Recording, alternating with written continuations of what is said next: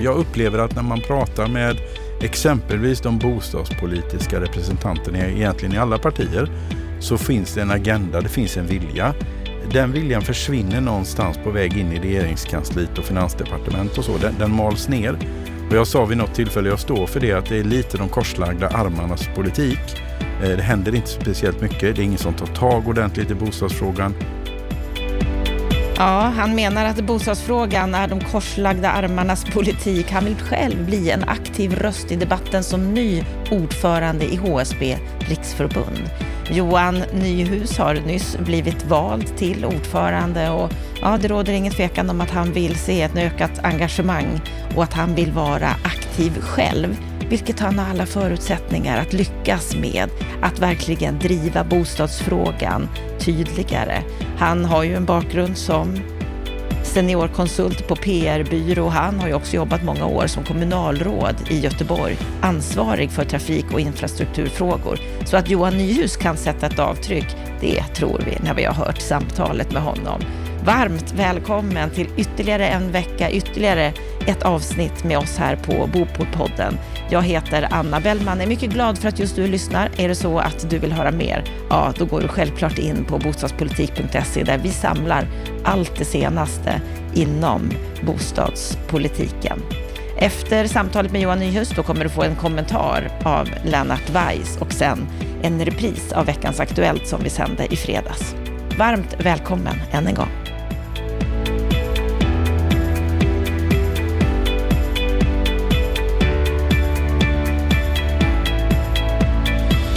Den 19 maj föll klubban och HSB Riksförbund fick en ny ordförande. Varmt välkommen till Bopolpodden, Johan Nyhus. Tack så jättemycket. Vad är din sinnesstämning idag? Nej, men jag, är, jag är lycklig, glad, lite omtumlad. Eh, även om jag, jag hade ju förstås vetat om det här ett litet tag med nomineringsprocesser och annat. Men, eh, men från den 19 maj har det gått för fulla muggar så att det känns roligt. Men jag är ja, men en, en lite berusningsglad känsla faktiskt. Trivs du i rollen som ordförande? Ja, den gillar jag. Varför då? Nej men det är väldigt, det, det är roligt och spännande att få vara ordförande. För det är både, jag brukar säga att man, man måste vara ordförande både i glädje och sorg. Det är hela tiden nya utmaningar. Du vet inte alls vad som händer eh, nästa dag eller dagen därefter. Eh, du ska hålla ihop en styrelse. Du ska hålla ihop en organisation eh, och även om man har VD och många andra som, som liksom jobbar åt en eller för oss i, i det här fallet så, så ska du liksom ha lite koll, du ska känna, du ska se hur människor mår och sen är du en viktig person Ja, jag brukar säga det här intrycket att hälsa på, på medarbetare, folk och vi har ju 650 000 medlemmar i HSB så att det, ja, det är hela tiden att vara lite social också, vilket jag tycker är väldigt roligt. Ja, det syns på dina ögon att du tycker det. Ja. Det glittrar. Ja, det glittrar. Det är roligt. Varför valde de dig tror du?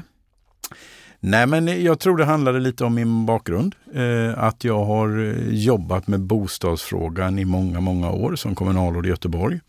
Eh, men också att jag, jag är en folkrörelsemänniska, föreningsmänniska. Eh, uppväxt i föreningslivet, eh, i olika delar av föreningslivet, idrottsrörelsen och annat. Eh, och att jag också brinner för det här gemensamma som vi har i kooperationen. Att, att jag är helt övertygad och jag vet att man gemensamt kan lösa väldigt många frågor. Så jag tror att de såg det. Eh, det var i alla fall det de sa. Ja, och det står ju väldigt tydligt när man läser pressreleasen mm. som gick ut efter det att du blev vald, att din långa erfarenhet av ordförandeskap i styrelser, värderingsstyrda organisationer talar starkt för dig. Att du har viktiga kunskaper om att leda organisationer i förändring och det kommer vara mm. en tillgång. Att du på ett ödmjukt sätt har visat att du kommer att bli den ordförande som kan inspirera och leda HSB framåt. Mm. Det är fina ord. Det är fina ord, väldigt fina ord. Din eh, företrädare Anders Lag har ju varit väldigt aktiv. Kommer du vara lika aktiv? Ja, jag har tänkt. Det är på, jag, jag, tror, jag har ju pratat med Anders en hel del förstås. Eh, men också se, jag, jag ska inleda med att vi har 26 stycken eh, HSB-föreningar runt om i landet. De ska få ett besök under hösten, och vintern. Så fort pandemin tillåter så kommer jag börja resa runt i landet. Det är viktigt att inkludera alla. Eh, jag kommer förstås eh, vara jättemycket här i Stockholm. Eh, utifrån att här händer det mesta. Det är ju så. Eh, och, och eh, så att jag kommer ju resa mycket, jag kommer vara runt mycket bland folk. Eh, jag kommer försöka påverka den diskussionen, den politiska debatten. Men också debatten faktiskt och diskussionen mellan oss byggare. Det behövs. Vi behöver eh, tagga upp oss lite gemensamt. Och det är inte bara HSB som har valt dig, tänker jag. Du har ju också valt HSB. Varför då? Nej men det är för att jag, jag sa vid något tillfälle när jag, när jag precis hade blivit vald att, att när jag, jag har ju varit kommunalråd och, och HSB är en av de byggbolag man alltid har kunnat lita på. När de kliver in på arenan och säger att nu vill vi bygga, vi vill ha mark, så genomför de projekt. Eh, det är ordning och reda. Eh, så att eh, jag har alltid haft ett väldigt stort förtroende för HSB. Och sen i grunden då det här kooperativa, medlemsägda utmanande på många sätt. Demokrati är utmanande på många sätt. Man ska lyssna, det tar lite längre tid. Men jag tycker det är en fantastisk modell och det som är historia, vi fyller ju 100 år 2023, så att det som är historien är viktigt att ha med sig. Men jag ser också att utmaningarna i dagens samhälle är ju enormt stora. Det är stora grupper som inte får tillträde till svensk bostadsmarknad. Och jag tror kooperationen har en oerhört viktig roll. Så du har stora ambitioner? Så är det. Det sades bland annat så här, eller du sa i en artikel när du blev vald här, att du ser fram emot att med intensifierad kraft driva på politiken i viktiga frågor, precis som du sa här. Som exempelvis då att ge fler unga möjlighet till en egen bostad. Vad är det du kommer göra mer intensivt än vad som har gjorts tidigare? Nej, men jag tror att vi, dels så hoppas jag på ett samtal mellan byggarna emellan. Eh, och sen är det ju många hinder som vi behöver. Vi behöver lägga fram. Jag upplever att när man pratar med exempelvis de bostadspolitiska representanterna egentligen i alla partier, så, så finns det en agenda, det finns en vilja. Den viljan försvinner någonstans på väg in i regeringskansliet och finansdepartement och så. Den, den mals ner. Och jag sa vid något tillfälle, jag står för det, att det är lite de korslagda armarnas politik. Eh, det händer inte speciellt mycket. Det är ingen som tar tag ordentligt i bostadsfrågan. Jag är själv gammal politiker. Jag vet att det är fullt agenda. Det är äldreomsorg, det är många andra frågor.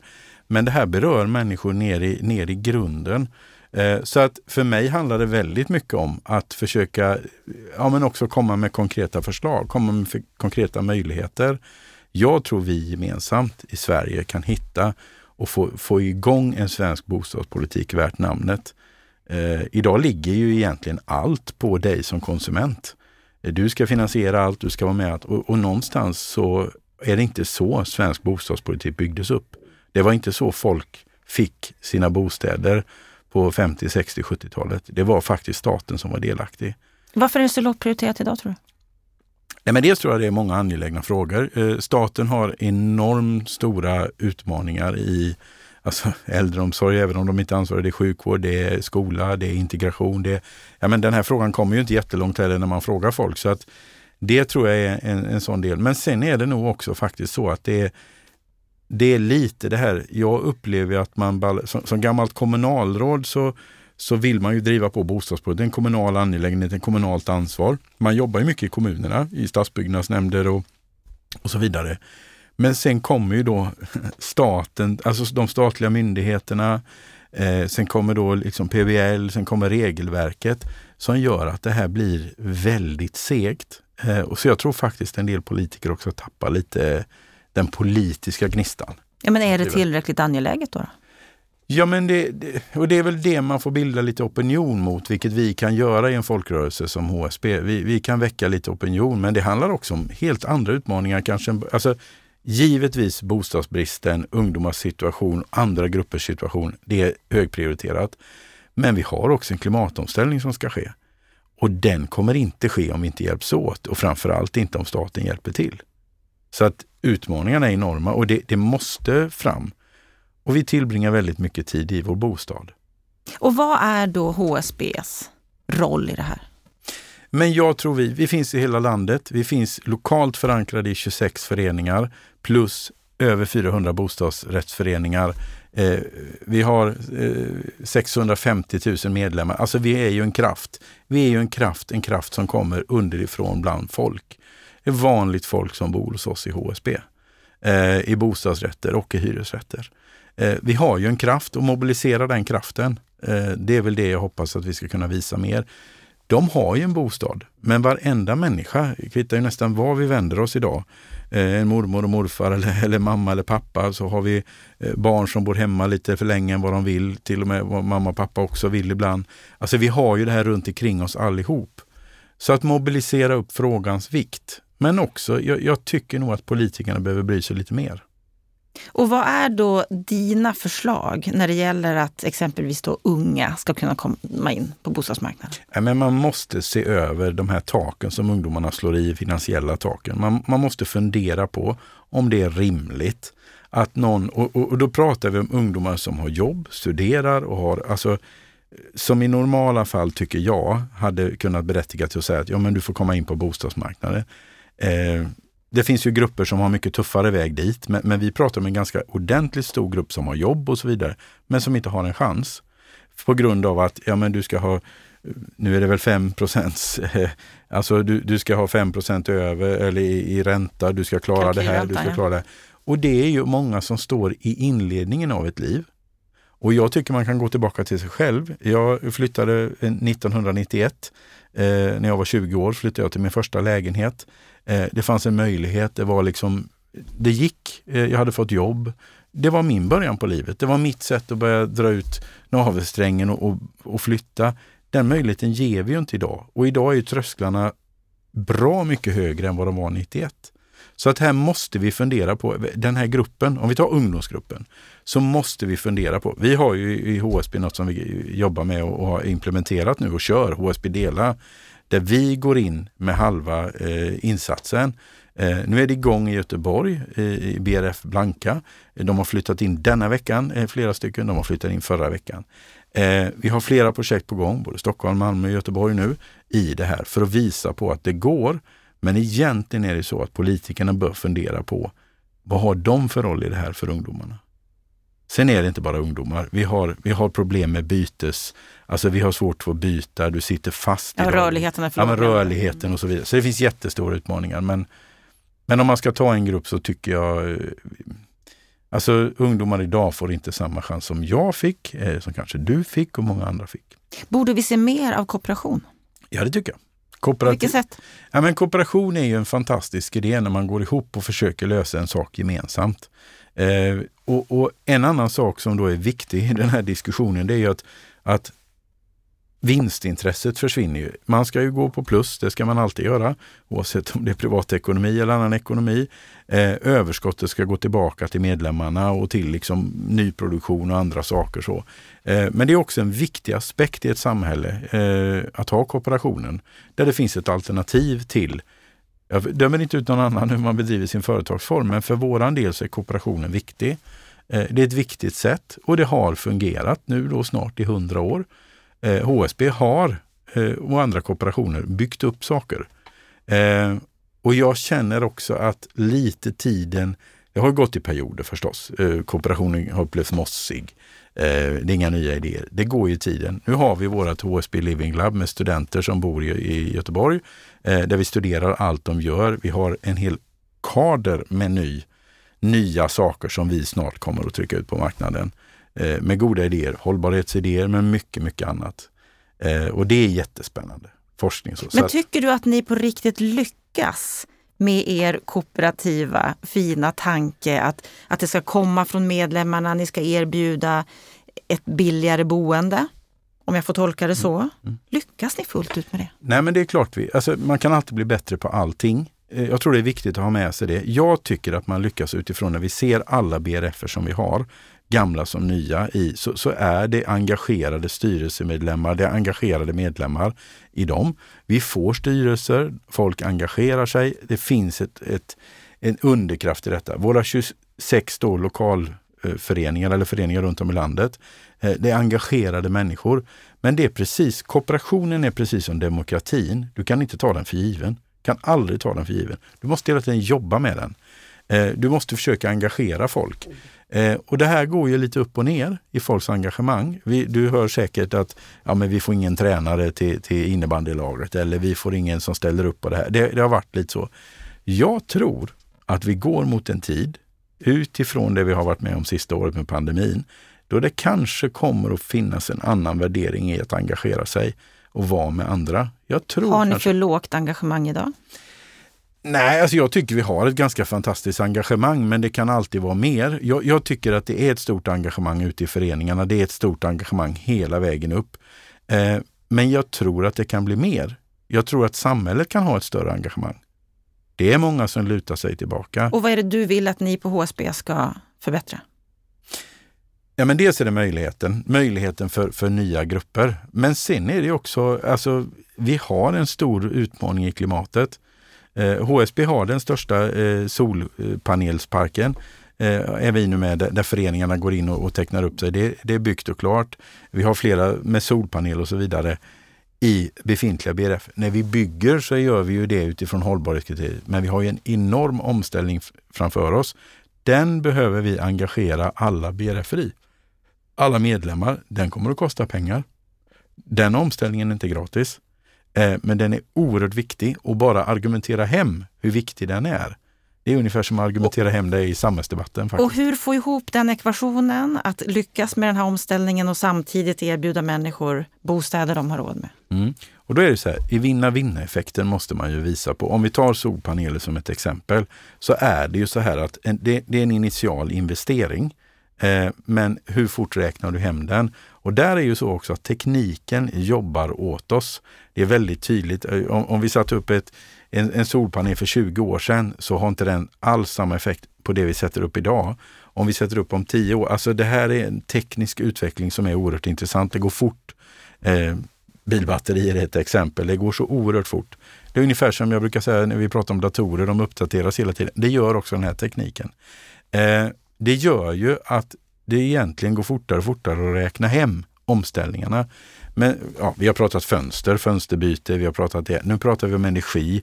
Eh, men det handlar ju också om, om, nu såg jag häromdagen att, att på Gotland ska de börja försöka tillverka eh, miljövänlig eller bättre betong. Det är också en förutsättning för oss byggare. Vi gör ju inte egen betong, vi köper ju den.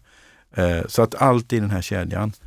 Jag tror att när vi liksom har kommit förbi, vi får ändå säga att den här pandemin har utmanat oss alla på olika sätt. När vi, när vi ser ändå att vi är förbi den på något sätt så kommer det vara klimat och miljöfrågan som är vår utmaning i ett stor kontext. Vi har massa utmaningar om sociala orättvisor och allt. Men, men den stora globala frågan är klimatet. Och då, jag känner att vi kommer nog engagera folk. Jag vill det. Jag tror det. Jag tror det kommer finnas. Mycket mer än hittills? Ja, ja men jag tror vi var och en kommer. I, idag blir det ju så här, det har, tror jag alla som lyssnar och även du upplevt det här med att jaha, ska jag behöva äta vegetariskt en dag i skolmaten eller ska de inte? Ja, men det blir en argumentation. Jag tror vi kommer att se en, en förändring i det. Vi kommer att leva på ett annat sätt för vi kommer att inse att vi kan inte hålla på så. Och här har ni en viktig roll? Ja. Vi har en viktig roll som folkrörelse. Politiken har en viktig roll, men alla har en jätteviktig roll. Jag, jag, tänk, jag vill ändå grotta lite mer i det här med, med just kostnader, prisbild, att er grundidé som kooperation är ju att mer kraft hjälpa vanligt folk, om man får säga så, till en bostad. Samtidigt när jag jämför er med andra så ligger ni inte lägst i pris. Varken när det gäller bostäder eller förvaltning. Ni är ganska dyra där. Mm. Vad, vad kan ni förbättra här? Då? Nej, men det måste man, man måste alltid pressa priser eh, när man bygger eller när man förvaltar och på allt annat sätt. Men det är också så att, att de lång, alltså om vi, vi kommer tillbaka till klimatet. När du bygger nytt så kan det ju vara så att du investerar i, kallade kvalitet eller vissa material som kostar lite mer initialt men håller över en längre cykel, alltså eh, en livscykel. Det är också sådana analyser du måste titta på. Men sen är det svårt med, med prisbilden. Det är svårt med nyproduktion och göra det billigt. Nu gör jag situationstecken, för det, det, det är ju tufft att, att vara det. Men vi står ju också för att det ska vara ett kvali en kvalitet. Eh, vi har ju inte gått in på ja, men billigare projekt, eller vi, utan vi, vi har ganska tuffa regler. Eh, vi vill ha samlingslokaler, eh, gemensamhetslokaler i alla våra byggen. Vi har andra värden som vi också för in. Så att för oss står ju inte priset ska vara det billigaste. Därför som HSB Dela är ju ett sätt att få en grupp att kunna komma in till oss. Det är ju en, vikt, det är en viktig eh, lärdom så att, att ta den och, och det har ju vi, mina företrädare, jobbat med ett tag. Nu är den ju där, folk flyttar nu in i det, det fungerar. Eh, och sen får vi se hur vi, just nu gör vi vissa procent i, i de BRF vi säljer. Men sen är det också att öka produktionen som är viktig och det är väl för alla av oss. Men när det gäller just förvaltningen då? Där du väl har byggnaden på plats, du ja. har människorna där. Ja, men, och, och förvaltningen är ju så här, det, det, är ju, många BRF beror ju lite på vad man efterfrågar. Eh, och jag, har inte, jag har inte hunnit sätta mig in 100 i all, all förvaltningsverksamhet. Men det är också så här att, att ja, men, schyssta avtal, kollektivavtal, alltså det finns regler, ordning och reda brukar jag kalla det. Det är också viktigt. Vi har ju några parametrar i vår kooperation där man ska uppfylla. Eh, alltså både när vi beställer om en grus, det kan vara olika saker. Eh, och så. Men vi måste ju hela tiden titta över prisbilden. Men, men jag vill säga det att, att det är också viktigt ibland eh, att det inte bara jämföra pris eh, utan, utan också jämföra vad får man, vad innehåller det. Det här med miljö är en viktig del. Eh, och där sitter ju många offentliga idag när man upphandlar olika saker att ja, man ställer höga miljökrav och då får man kanske inte det, det allra billigaste. Och det behöver vi tänka på lite var till mans när vi handlar också faktiskt. Det är, Samtidigt så handlar det om att överleva. Oh ja. Ni har fått in en, en, konkurrent på den svenska marknaden mm. i form av Obos, den norska mm. kooperationen, mm. som också har ett typ av hyrköp i ja. sin portfölj som de har lanserat här nu. De har ju som ambition att erbjuda 20 procent av alla mm. nya bostäder enligt det konceptet. Riskerar ni inte, tror du, att bli överkörda om ni inte satsar ännu mer på Nej, men jag kan säga så här, HSB har ju i historien varit först med ganska många saker. Eh, eh men barnstugor och man kan läsa historien, jag ska inte gå in för mycket på historia. Men, men vi har varit först med väldigt många saker, innovationssaker. Eh, vi har vårt Living Life som kommer att spotta ut ett antal nya innovationer. Jag är inte rädd för att andra följer efter bra idéer som exempelvis HSB delar. De är välkomna. Det är ju bra. Det har vi ingenting emot. Eh, vi var först, vi testade, vi var en kooperation som ville göra det. Vi kommer fortsätta att testa idéer. Vi kommer fortsätta vara innovatörer och fortsätta på vårat sätt. Om andra vill följa efter för att det är bra idéer, välkomna. Men hur ser du på att Obos har kommit in så starkt i Sverige? Nej men för mig är det så här, vi, vi, konkur, vi konkurrerar, en konkurrens finns alltid. Jag är inte så rädd för konkurrens. Eh, vi har väldigt bra värde, vi har väldigt bra kännedom i HSB. Vi ska se till att HSB behåller sitt goda varumärke och sin goda kvalitet och alltihop. Det kommer vi jobba med. Jag räds inte konkurrensen jättemycket. Eh, däremot måste man ju steppa upp sig. Eh, och jag tycker inte det är så farligt. Det är väl bra att, att vi blir fler och, och jobbar med detta som sagt var. Och jag återkommer till det att vi, vi har mycket eh, i pipeline som kommer att komma. Eh, hur vi paketerar det, hur vi får ut det i våra bostadsrätter, hur vi kommer att göra, det jobbar vi just nu med. Men vi ligger ganska långt fram när det gäller vårt Living Lab. Vi, det är ganska unikt. Vi ligger långt fram med den största solpanelsparken och så vidare. Vi har vågat för vi har, vi har sett att det här kommer. Och då säger jag vi, det är mina företrädare. Men, men så jag räds inte speciellt mycket. Eh, vi är stabila och vi kommer fortsätta vara stabila. Men det är ju viktigt för oss också att vara innovativa. Man får inte vila och säga att nu har vi jättenöjda. Man får inte, alla brukar ta det här exemplet med Facit skrivmaskin som gick åt pipsvängarna. Sådana är vi inte, utan vi, vi är innovativa och vårt Living Lab är verkligen ett, ett exempel på det. Något som ni inte har lanserat hittills, det är ju ett så kallat billigt koncept. Exempelvis då Boklok. Kan vi se något sånt framöver? Där borde ni väl också ligga främst? Ja, fast då, då hamnar vi i den här diskussionen om vad, vad ska man ta bort och inte ta bort. Eh, och det är klart att den diskussionen finns. Den diskussionen är så.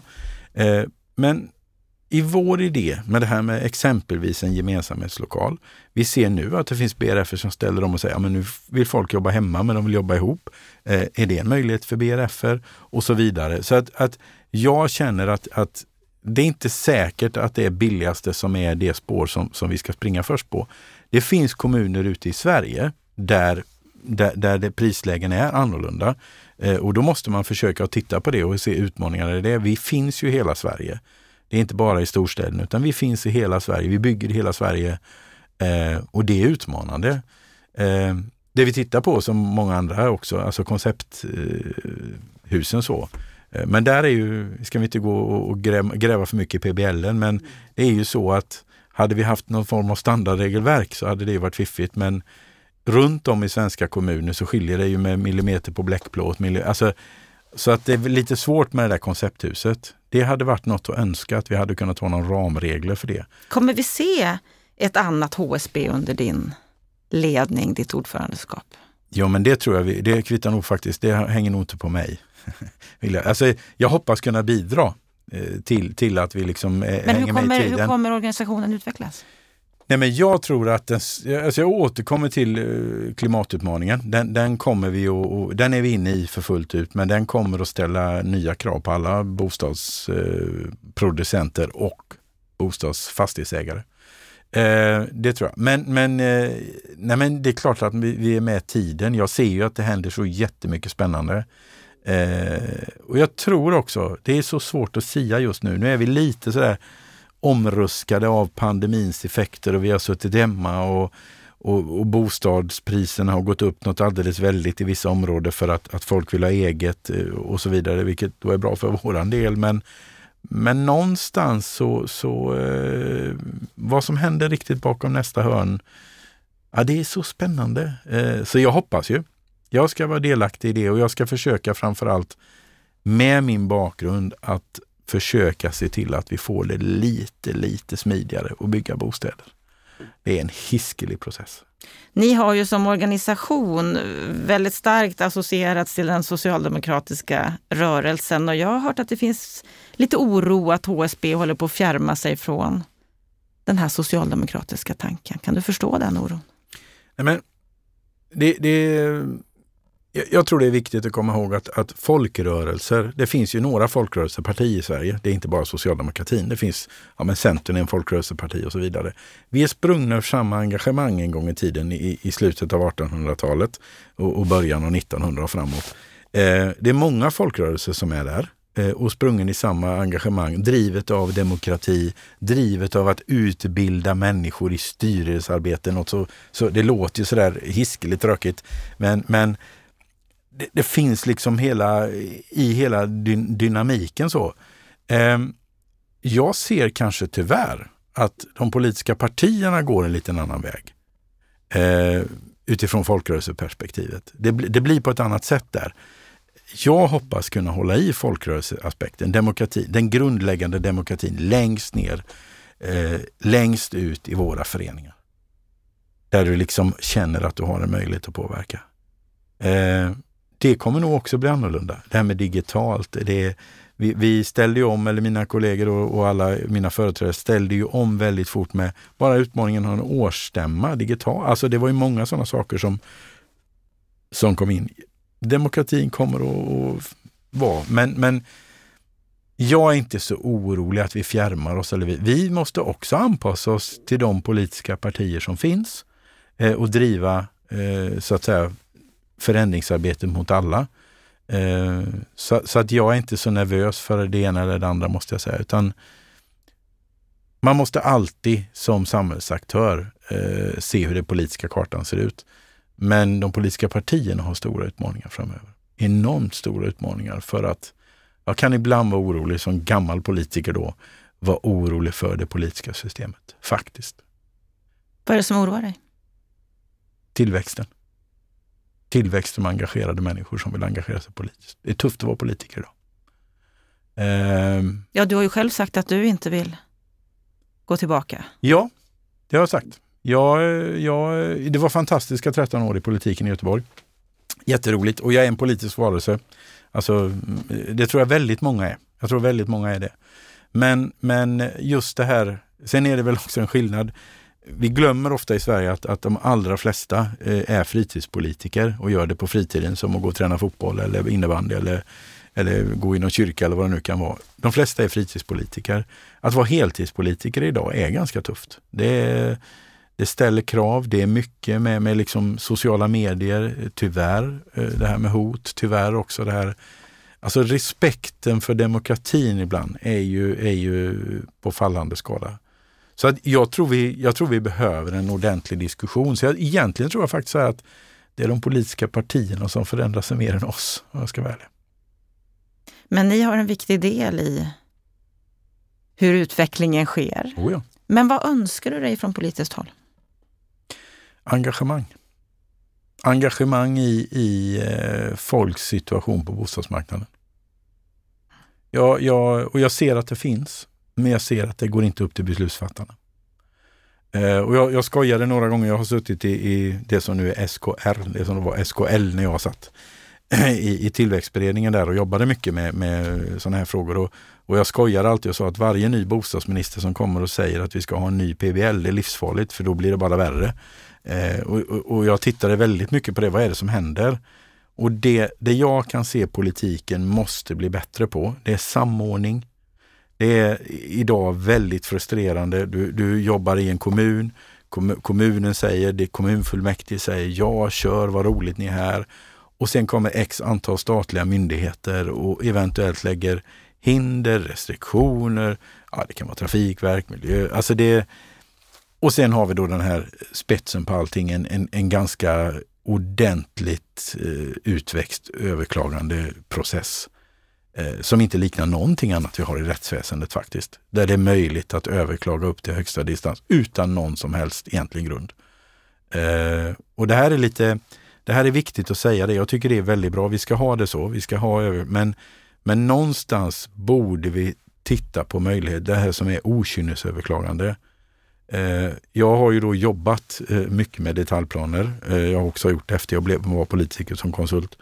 Eh, det jag ser är att, att alltså om någon väljer att, jag kallar det okynnesöverklaga, man är alltså inte sakägare, så kan det ta upp till ett, ett och ett halvt år innan man bedömer att den här personen inte är sakägare. Det är ett och ett halvt år.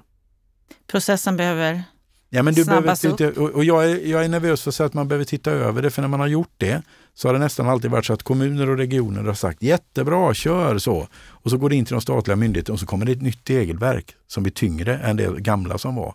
Så att jag, jag är nervös att säga faktiskt det till politiken, att se över det. För, för det men och vi, ändå är det det som behövs, för du vill ja, ju ha måste, en förenkling. Vi måste ha no, vi, vi, måste, och, och, jag tror ju mycket på den här tanken att sätta oss ihop. Det är därför jag också vädjar till, till andra bostads... Alltså, vi sitter ju i, i samma båt allihop. Och jag upplever att kommunpolitiker är lika frustrerade. Alltså de är också väldigt frustrerade över det här.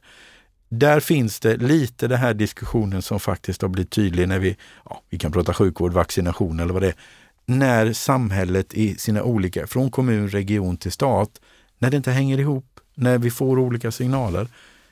Vi behöver titta på det på bostadspolitiken. Jag förstår att det finns många andra områden man behöver titta på. Men där kan vi ju hjälpas åt. Vi är många aktörer som kan oerhört mycket. Låt oss sätta oss ner och fundera på hur, hur, hur får vi det här bättre? Men det är jättemånga engagerade, inte minst visar er podd det, att det finns ett jätteengagemang för det här. Låt oss ta tag i det. Du får eh, kroka arm ja. med ganska många här. Ja, men jag hoppas det. En, en politisk fråga som, som ju alltid diskuteras när vi pratar om att inte alla har någonstans att bo, det är ju vilken typ av bostäder som vi ska utveckla. Mm. Och ni har ju både hyresrätter och bostadsrätter i, i er portfölj. Hur ser du på det? Kommer ni fortsätta att ha både och eller kommer ni ombilda mer? Nej men eh, grunden för HSB är bostadsrätter. Det ska man ha klart för sig. Det, det är ju vårt grundkoncept, det är det som är. Eh, jag ser att, det, att, att erbjuda möjligheten till att fler kan eh, få komma in på bostadsmarknaden via ett eget, eget ägande. Eh, det, det tycker jag är en viktig fråga. Den är viktig. Hyresrätter är också viktiga och väldigt bra. Det ska vi också ha. Och vi har ju hyresrätter för att kunna erbjuda det till våra bosparare. Det är ju därför vi har har hyresrättsdelen. Att, att de som har bosparat i, i HSB ska få företräde till våra hyresrätter. Men ägandet är viktigt och centralt för er? Ja, bostadsrättägandet är i grundstommen i HSB, så är det. Eh, Ganska långt ifrån den vänstervridna politiken. Ja, fast då måste man också diskutera. Alltså, om vi då tittar på grunden när det här kom till. Eh, jag bor själv i ett egnahemsområde i Göteborg där, där varvsarbetarna i Göteborg fick möjlighet att bygga sina små hus och de är små. Eh, men de är väldigt bra eh, och fortfarande hyfsade priser alltså i de här områdena. Det var ett sätt man kunde bygga sitt eget hus. Det andra sättet var att gemensamt gå ihop och bygga BRFer. Det var ju så det kom till. Att, att, att folk gick ihop och hade en möjlighet att gemensamt göra någonting. Det är ju inte en dum tanke fortsatt. Det kommer ju fortsatt vara en, en väldigt bra sätt. Men idag är ju hindren då för att komma in i det här, för vissa grupper ska vi säga, väldigt stora. Men jag tycker inte det är fel att, att äga sin egen bostad. Att eh, bostaden är så viktig för oss. Jag kan tycka, jag, eh, jag kan ju se att den här förblindade att bara bygga, att bara hävda hyresrätten, att bara driva hyresrätten. Nej, bostadsrätten är ju faktiskt ett väldigt prisvärt boendealternativ när du väl har kommit in. Kommer du få med dina socialdemokratiska partivänner på det? Det ska jag vilja se till. Då får vi önska dig lycka till med det. jo, men, För det blir väl en stor del av jobbet? Eller? Jo men det blir det ju. Och det är viktigt att säga, inte bara mina socialdemokratiska vänner. Här vill det till att påverka politiken åt olika håll. Eh, alltså alla politiska partier i bostadsfrågan. Eh, vad vi har för regering om ett och ett halvt år, det har vi ingen aning om. Så att, att för mig är det jätteviktigt att, att bredda det. Men jag tycker att man, man kan se, ibland blir det väldigt skev diskussion om bostadsrätter och ägandet. Eh, det är inte fel. Eh, och det har inte varit fel historiskt. De senaste åren eller de senaste 15 åren egentligen. Så, och vi behöver hyresrätter. Men vi vet ju också allihop att segregationens utmaning, det är de blandade boendeformerna. Det är där vi behöver titta på. Vi behöver komma in i områden där vi kanske inte har så mycket bostadsrätter och hitta ekonomi. Hur ska vi lösa det? Och så vidare och så vidare. Och där är ju inte vi ensamma. Det är många andra som är med. Så utmaningarna finns. Det är härligt. Och möjligheten också. Möjligheten och utmaningarna. Lycka till! Tack så jättemycket! Och tack för att du kom till Bopolpodden, ja. Johan Nyhus. Tack ska ni ha.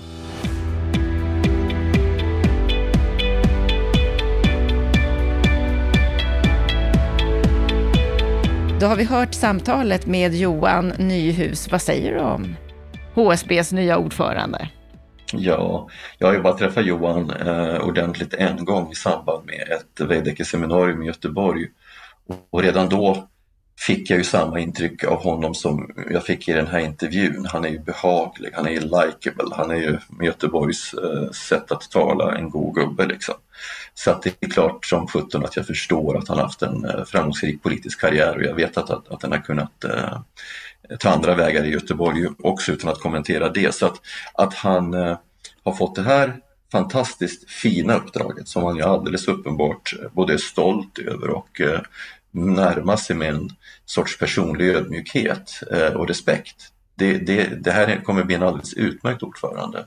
Och eh, jag både tror och hoppas att han kan eh, bidra med en sorts nytändning i organisationerna och att han har kommunikativ förmåga att nå ut. Det kan vi vara ganska säkra på. Så jag eh, är väldigt nyfiken på Johan och tror att eh, det här kan bli intressant.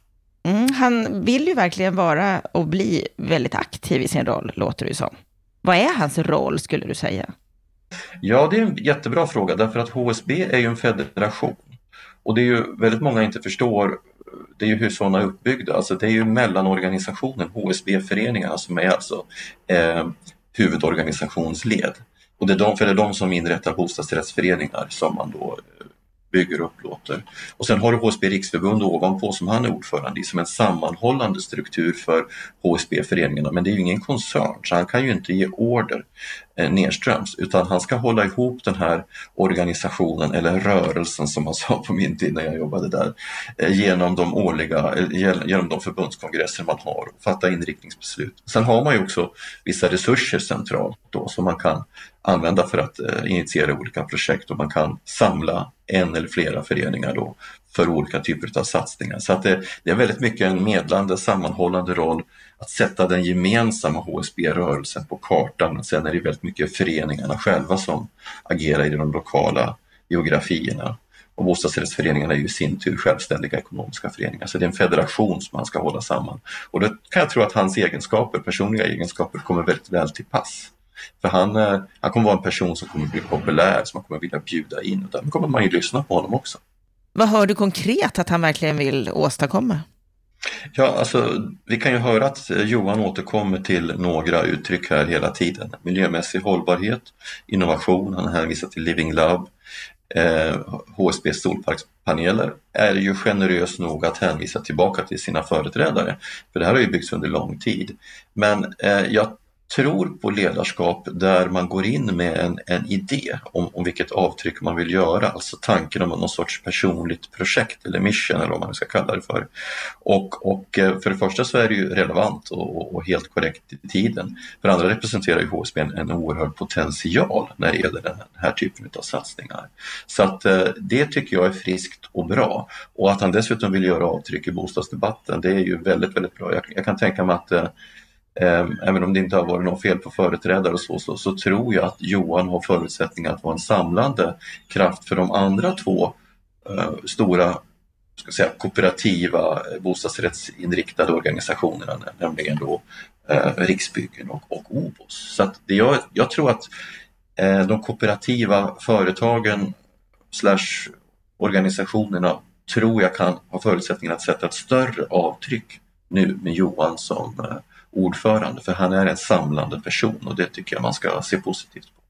Ja, och lyssnar man på honom så hör man ju att han är orolig för politiken och för vart det leder och det låter ju som att han själv ser det här som en av de stora utmaningarna.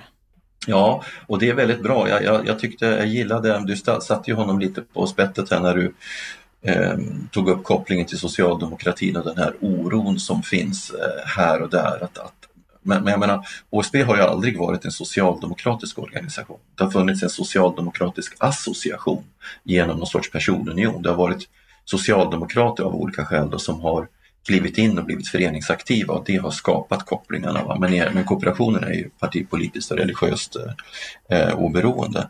Men man ska ha klart för sig att Sverige är ju i någon sorts mening en folkrörelsedemokrati. Vi brukar ju säga så. Va?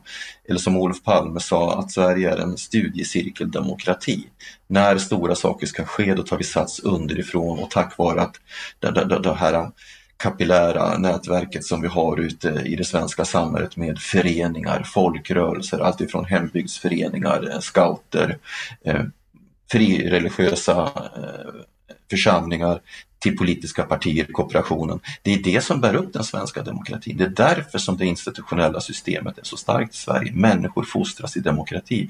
Och då ska man ju ha klart för sig att Sveriges 10-12 000 bostadsrättsföreningar är förmodligen idag den viktigaste utbildningsapparaten för att utbilda människor i demokratiska processer. För där lär man sig, om du sitter i en styrelse, resultat och balansräkning. Du lär dig föreningsdemokrati, eh, mötesformer.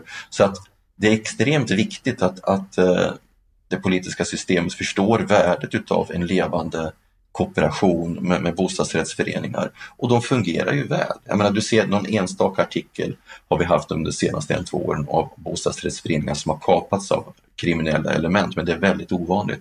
Ser du några bostadsrättsföreningar vars hus är illa underhållna, Anna? Nej, det gör du inte. Ser du att de är eh, slitna vad gäller gemensamhets, eh, gemensamma funktioner, tvättstugor och annat? Nej, det gör du inte. Så att det här är ju väldigt väl fungerande strukturer och, och, och eh, som har en jättestor betydelse för det svenska samhället, för politiken. Så att när han pratar om folkrörelsetraditionen så är han helt rätt på det och eh, han förstår ju sambandet. Kan Men skulle de, kunna, skulle de kunna ta en ännu större roll när det gäller att, att lösa den här sociala hållbarheten som vi behöver göra i vårt land? Ja, det är bra att du för in det på det, därför att det var väl möjligen ett tema som jag eh, inte hörde, men nu kan man inte prata om allt på 32 minuter. Eh, men han berörde det lite Eh, i förbigående när det gäller förvaltningen. Alltså HSBs förvaltning eh, må vara dyr som du var inne på. Jag tänker inte kommentera det närmare för det är svårt att bena i men, men HSB har aldrig varit billiga när det gäller vare sig byggande eller förvaltning. Eh, och det kan man diskutera men, men, men eh, det är ordning på torpet. Det är definitivt så att man är seriös när man handlar upp leverantör till sin egen verksamhet. Vad, vad som däremot smyger sig på som en växande fara när vi talar om sund bygg, byggbransch och ordning och reda i den här byggbranschen, det är det vi kallar för byggservicesektorn. Vi har alltså väldigt stort fokus på fusket i storbyggsektorn och det har inte jag, inte minst jag själv, då lyft fram i olika sammanhang det senaste halvåret. Men det vi glömmer, det är att det finns en småskalig sektor här också, byggservice, alltså små företag som hjälper enskilda eh, hushåll att renovera badrum, kök, men delvis också fastighetsteknisk förvaltning i vissa fall. Och där har vi en enorm eh, gråzon enorm flora utav företag som har fusk som affärsidé. Både när det gäller RUT och ROT-sektorn så vet vi idag att det uppträder leverantörer som tar jobb men inte utför dem själva utan de skickar det till en underentreprenör som tar jobbet, vilket ofta då är ett östeuropeiskt bolag. Jag vet att det retar en del att jag lyfter fram det på det sättet, men så är det. Och det, det blir rena arbitragevinster. Man liksom tar mellanskillnaden mellan det pris som kunden tror att han betalar för och det som företaget sen betalar de facto. Så vi har fått en sorts arbetskraftsimmigration som, som inte alls var tanken utan tanken var att vi skulle lösa sysselsättningsproblem i Sverige. Och här skulle jag vilja att HSB och de andra folk, bostadsrättsorganisationerna tog krafttag, certifierade fram seriösa byggare, kontrollerade dem så att hushåll och bostadsrättsföreningar inte medverkar till att det växer fram en gråsvart ekonomi. Så det skulle jag önska att Johan tog upp som ett tema för det är extremt angeläget. Då skickar vi med den önskan till Johan Nyhus. Han har ju mycket på sin agenda tänker jag nu som ny ordförande. Stort tack för denna kommentar Lennart Weiss. Då är det dags för en repris av veckans Aktuellt som vi sände i fredags.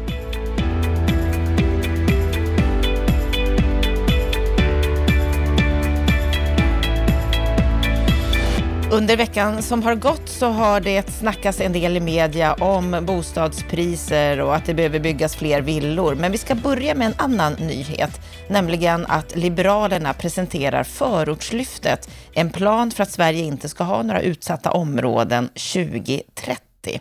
Och här berättar Nyamko Sabuni, partiledaren, att det ska inte finnas några utsatta områden inom tio år. Därför presenterar vi nu det största reformpaketet i svensk politik för att stärka skola, jämställdhet och egenförsörjning i hela landet. Vad säger du om det här, Lennart Weiss?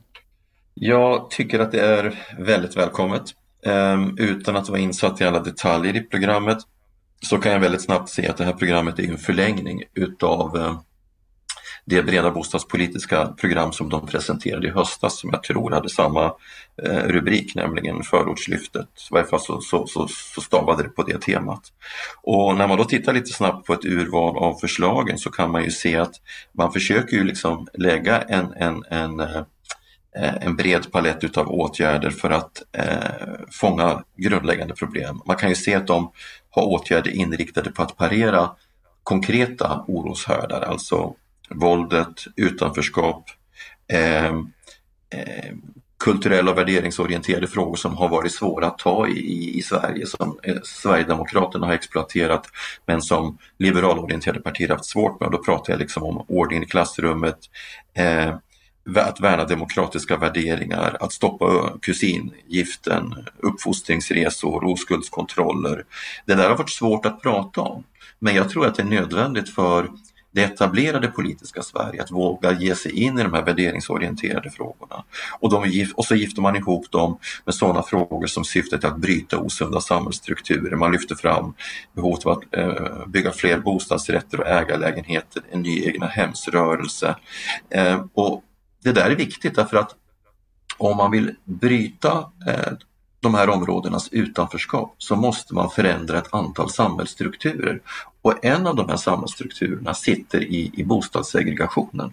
Och bostadssegregationen är ett utflöde av hur vi byggde miljonprogrammet, det vill säga med enbart med hyresrätter i enormt stora koncentrationer och som har skapat väldigt stora problem eh, i storstäder och också medelstora städer. Det blev ett vi och dem och skattesystemet gjorde att eh, ingenjörerna snabbt flyttade därifrån. Kvar blev den gamla arbetarklassen och eh, vilka har flyttat in under de senaste 20-25 åren? Jo, de stora invandrargrupperna, vilket har förstärkt de här områdenas eh, lågstatuskaraktär. Och då måste man bryta det på väldigt många olika plan. Det handlar om här och nu-åtgärder och långsiktiga åtgärder. Så att utan att vara insatt i alla detaljer, för det är jag inte, så tycker jag ändå att det är väldigt bra att Liberalerna lyfter fram den här frågan. Och det, det kan ju vara, hända att jag hittar någon fråga som jag tycker är för radikalt formulerad när jag gräver djupare i det här. Men jag skulle tro att det är väldigt lite därför att eh, det bostadspolitiska programmet som man la fram i höstas och som vi har kommenterat här i Bopolpodden är idag det bästa som något politiskt parti står för. Och, jag, eh, och, och, det ser ju ut som att det här programmet är skrivet i samma anda och riktning. Så det är ett bra program. Sen får vi se om det blir en eh, någonting som lyfter Liberalerna, det kan man inte vara lika säker på för det gäller att få ut detta också. Men att programmet lägger en bra ram för diskussionen och flyttar eh, frågeställningarna från Sverigedemokraternas ytterkant in i det politiska mittfältet, det är väldigt, väldigt bra. Så heja Liberalerna, bra jobbat! Kan de få politiskt gehör för det? Få med sig fler? Ja, det tror jag därför att eh, det är väldigt många av de här förslagen som, som eh, andra partier kan vara benägna att ställa upp på. Men det som gör programmets förtjänst det är förmågan att fånga helheten. Därför man måste liksom navigera här efter både karta och kompass, liksom se eh, hela terrängen eh, Eh, och inte bara liksom plocka ut eh, enskildheter. Och, och, och, där, där lägger det här en bra ram. Och eh, det är uppenbart att Nyamko själv bottnar i de här frågorna. Så skulle Liberalerna få ett lyft, skulle Liberalerna ingå i nästa regeringskonstellation, då har det här stor betydelse. Men jag tror att det har stor betydelse i stort också därför att de andra partierna tvingas nu förhålla sig till det här programmet. Och eftersom det har rätt riktning så får vi också rätt riktning på diskussionen. Så jag tycker det är bra. Mm, behövs ju verkligen göras någonting i vårt land för att komma till rätta med det här. Vi ska gå vidare och prata om att det behövs byggas fler villor. I olika medier under veckan och under helgen som gick så har vi kunnat se olika personer som har gått ut och uttalat sig om det här. Och vi ska börja med Finansinspektionen. Erik Thedéen sa i en intervju i Sveriges Radio att det måste byggas fler hus för att möta den här efterfrågan. Det behöver byggas fler villor och han menar att priserna på villor har gått upp rejält det här senaste året och en förklaring har med utbudet att göra och att det därför behöver byggas fler villor. Vad säger du om, om det här Lennart?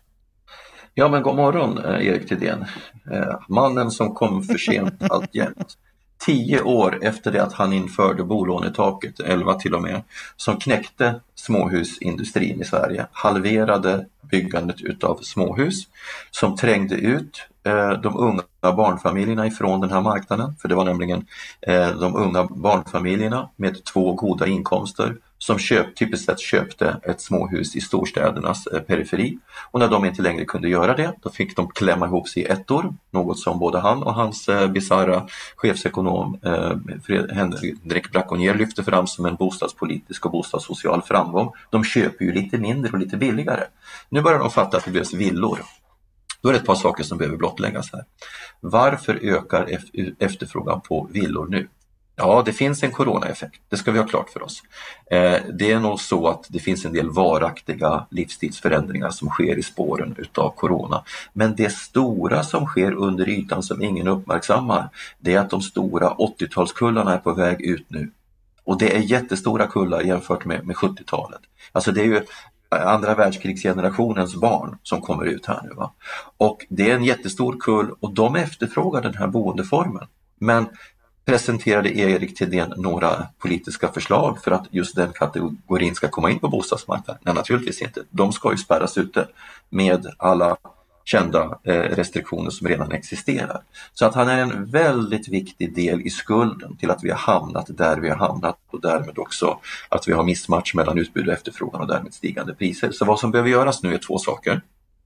Det ena är att man måste ta en diskussion med kommunerna om eh, plan och markberedskapen därför att det finns ett planeringsideal i Sveriges kommuner som håller tillbaka byggandet av småhus. Det är ett reellt problem. Eh, man vill bygga tätstad och har föreställningen att, att villastäder, trädgårdsstäder är negativa ur hållbarhetssynpunkt. det finns många inlägg som, som, som eh, problematiserar det påståendet och, och, gör det ganska tydligt att det är en ensidig analys. Så det är det ena du måste göra. Och det andra är att du måste trycka på efterfrågeknappen för de här grupperna och då måste man ju skapa förutsättningar för de här 80-talisterna att komma ut på bostadsmarknaden. För annars Anna så blir det ju de som redan är inne på bostadsmarknaden som bor i lägenheter som har ökat i pris och som har en helt annan finansiell situation på bostadsmarknaden som kommer efterfråga dessa villor. Det vill säga, det blir en omflyttning inom kategorin insiders. Men det som ju borde vara syftet här, det är att få ut en kategori outsiders som dessutom är i början utav sitt vuxenliv. Så som vanligt så saknar Finansinspektionen helhetssyn. Eh, som vanligt så, så ser de inte sin egen skuld i problemställningen. Som vanligt klarar de inte av att koppla ihop olika saker. Men det har varit en strid ström av artiklar på det här temat senaste veckan. Ledarinlägg, inlägg på, på Sveriges Radio från SBAB och så vidare och alla pekar i samma riktning. Så att nu kanske vi ändå får en debatt om vikten av att eh, bygga fler villor men då hoppas jag att vi också får en diskussion om de ekonomiska förutsättningarna för rätt grupper att efterfråga.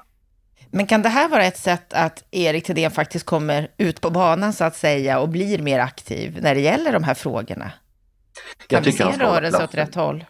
Nej, men han ska hålla tyst i de här frågorna och det ska Stefan Ingves också göra. Alltså, vi, vi, vi har en benägenhet, en ökande benägenhet i det här landet där myndighetschefer agerar någon sorts ställföreträdande politiker och tycker om en det ena, en det andra och pekar finger och uppträder allmänt arrogant. Men, men de kan ju ingenting om de här frågorna. Det visar de ju varje gång de öppnar munnen. De ser inte orsakssambanden, de ser inte sin egen roll. Jag har sagt det förut, eh, vi har en finansinspektion, vi har en riksgäldsledning och vi har en ledning för Riksbanken som är en intellektuell bunker utav generaler som fortfarande utkämpade i förra kriget, nämligen de ska till varje pris eh, bekämpa deflationsspöket. Just nu så är de skulden till att priserna rusar med, med, med eh, stimulanser, i, penningpolitiska stimulanser som går alldeles för långt. Eh, man kan inte avvika alldeles för mycket från omvärlden såklart, men på marginalen så kan man driva en annan politik. Och jag eh, är rädd för att de olyckskorpar som finns där ute som, som varnar för att vi eldar på så mycket i maskinrummet att, att maskinrummet riskerar att explodera, det vill säga vi kör rakt in i en gigantisk krasch någonstans om några år, är ett växande hot. Och de som faktiskt eh, är Eh, som eldar på den utvecklingen. Det är våra myndighetschefer på Finansinspektionen och Riksbanken som inte ser sambanden. De tror fortfarande att det är deflation där ute och att det är det man ska få upp inflationen. Vi har inflation, vi har prisinflation på realvärden, på, på, på börsen. Men vi har det också på ah, insatsvaror av olika slag och jag är orolig för att det där sakteliga håller på att sippra ut i lönekuverten och då kommer vi få inflation och då kommer räntorna att stiga och då riskerar det bli en kraschlandning. Så nu gäller det att börja finkalibrera men det är ju flera ekonomer där ute som inte tror att våra myndigheter är kapabla till ett sådant omtänkande för de sitter fast i en tankemodell som, som utgår ifrån de problem som vi hade för 25 år sedan. Och tyvärr är det här ett väldigt vanligt psykologiskt problem. Och politikerna är för svaga och kliver inte in på banan. Så att eh, vi får bara hoppas att de kliver ur den politiska debatten och att politikerna orkar kliva in för det är hög tid för politikens återkomst när det gäller de här frågorna. Som du nämnde så är det ju många som har varit ute i media nu och påtalat vikten av att det ska byggas fler småhus. Bland annat Petter Birgersson, Ystad Allehanda i sin ledare skrev om det är tid nu för ett småhusprogram. Och som du nämnde, SBABs chefsekonom Robert Boye var också ute och sa att nu krävs det åtgärder för att minska det trendmässigt ökande underskottet av nya villor. Och GP, där skrev PJ Anders Linder att låt pandemin bli en renässans för trädgårdsstaden. Tror du att pandemin kan bli en renässans? Ja, men jag hoppas det och man, om man försöker ta ett historiskt perspektiv på det här vad var det som gjorde, vad var det som, som drev idén om trädgårdsstaden förra gången det begav sig, alltså i början på 1900-talet? Jo, det var ju att den tidens bostäder var ju som, en, som, en, eh, som ett drivhus för den tidens stora folkhälsoproblem, nämligen eh, lungsoten, tbc. Alltså det var ju våra fuktiga, dragiga bostäder som gjorde att TBC var en folksjukdom. Man tror ju att det var vaccinationerna som löste problemet, men det var faktiskt nya, goda, centraluppvärmda bostäder som var nyckeln. Men, men också trädgårdsstaden. Alltså föreställningen om att du ska eh, bo nära naturen, du ska kunna odla, du ska bo i en hälsosam bostad som, som, som har en god standard. Så det fanns liksom en tanke om om en, en, en sund livsstil som drev tanken om den småskaliga trädgårdsstaden med, med, med prunkande äppelträd på våren och lite självhushållning och så vidare. Va? Och vad har vi varit med om nu? En annan typ av gigantisk eh, global katastrof som kommer att föda nya föreställningar om vårt sätt att leva. Och jag tror att det kan föda en renässans för en trädgårdsstad. Det är en bra boendeform. För barnfamiljer är det en fantastisk boendeform. Så att, eh, jag hoppas att de får rätt. Jag hoppas att eh, det uppstår ett tryck på politiken att göra en omläggning av ratten. Och då handlar det väldigt mycket om att förändra planidealet men också att rätt grupper kan komma in, på, inom, in i den här boendeformen. Jag är en väldigt varm förespråkare utav trädgårdsstad och småhusbyggande och, och attraktiva förortsområden. De kan vara täta, då, relativt täta och kan förses med kollektivtrafik och annat så att de blir, ligger i linje med andra hållbarhetsmål. Ja, om vi kommer att se någon förändring när det gäller småhusbyggandet, ja det får vi se och det hoppas vi ju verkligen att det sker. Då har vi hört reprisen av veckans Aktuellt. Vi har också fått lära känna HSBs nya ordförande Johan Nyhus lite närmare. Med detta så önskar jag dig en riktigt, riktigt härlig vecka.